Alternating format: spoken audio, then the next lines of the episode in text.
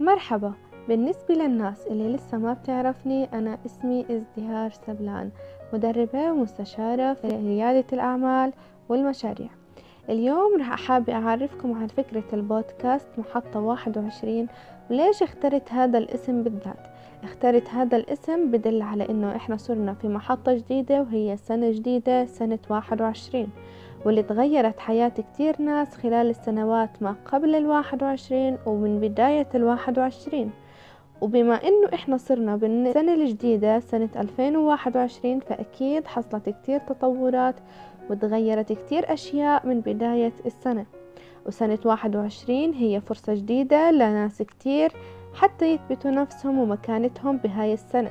وأكيد كتير ناس دخلت في مجال عالم الأعمال وناس بتفكر تدخل بهالمجال. ومش عارفة شو تعمل أو من وين تبدأ.